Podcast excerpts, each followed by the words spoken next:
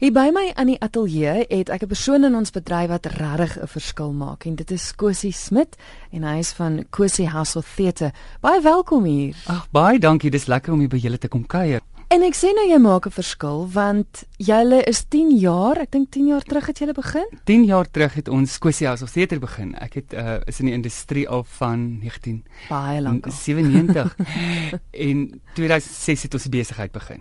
So nou is dit 10 jaar oud kan mens dit glo nie. maar dis fantasties dat mens na 10 jaar kan sê dit gaan eintlik net elke dag al beter. Ek dink definitief. Ek dink die teater is op 'n ongelooflike groei plek en in terme van van ons kant af ons groei en dis vir ons baie lekker want omdat dit ons hartstog is. Hm. en um, ons kry net meer en meer geleenthede.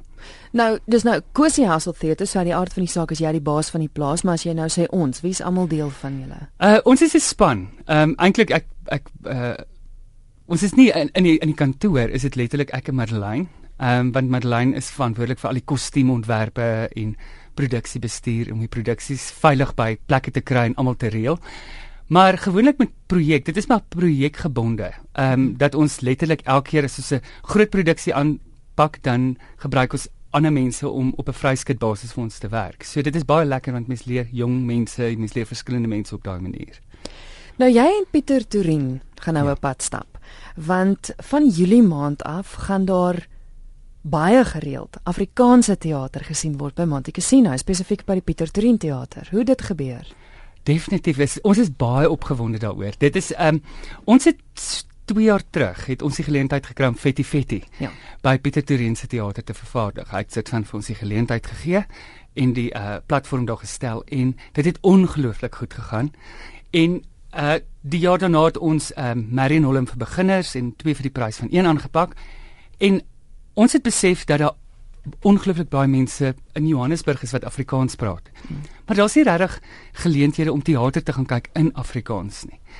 En die beplanning tans is dat ons uh, 'n uh, 6 maande seisoen met Afrikaanse werke aanpak of 5 maande, 6 maande seisoen aanpak en kyk hoe dit gaan.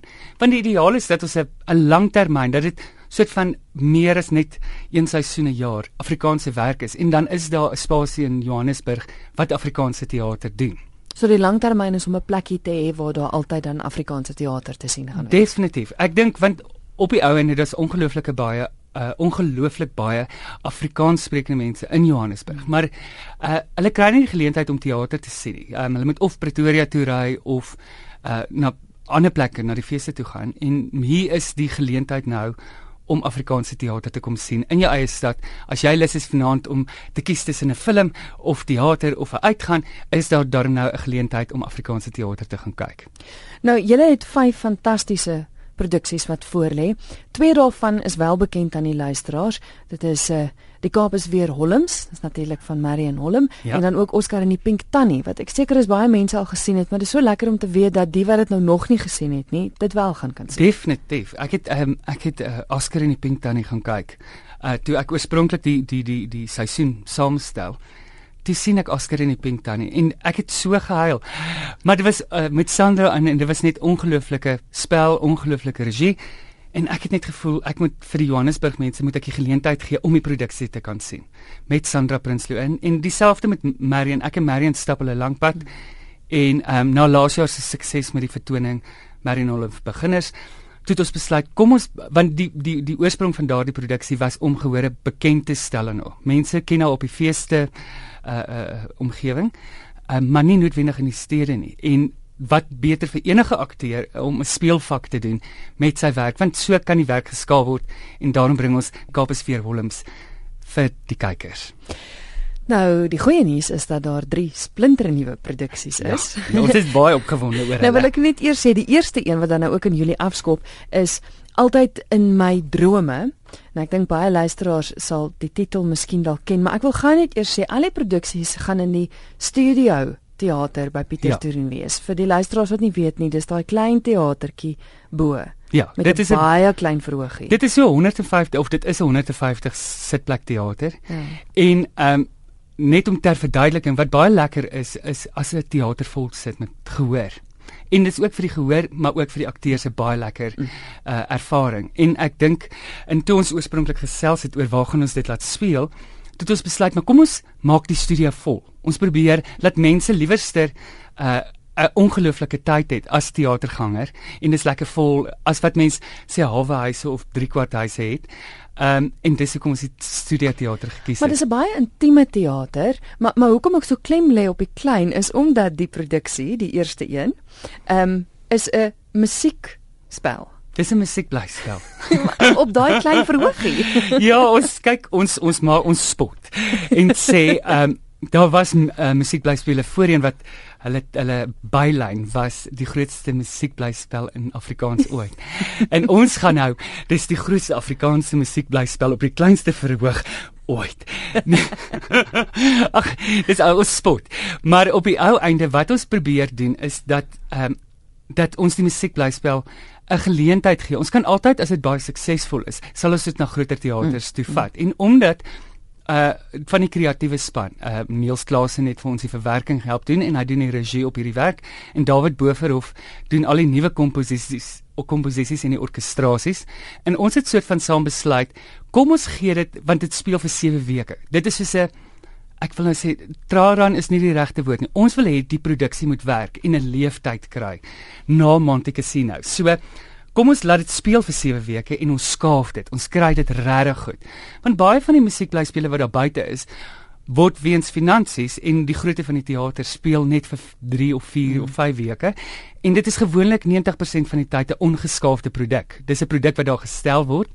Uh en dit is nie geskaaf nie. En ek dink vir ons wat teater maak, is dit die ideaal om 'n werk te kry tot die beste wat hy kan wees.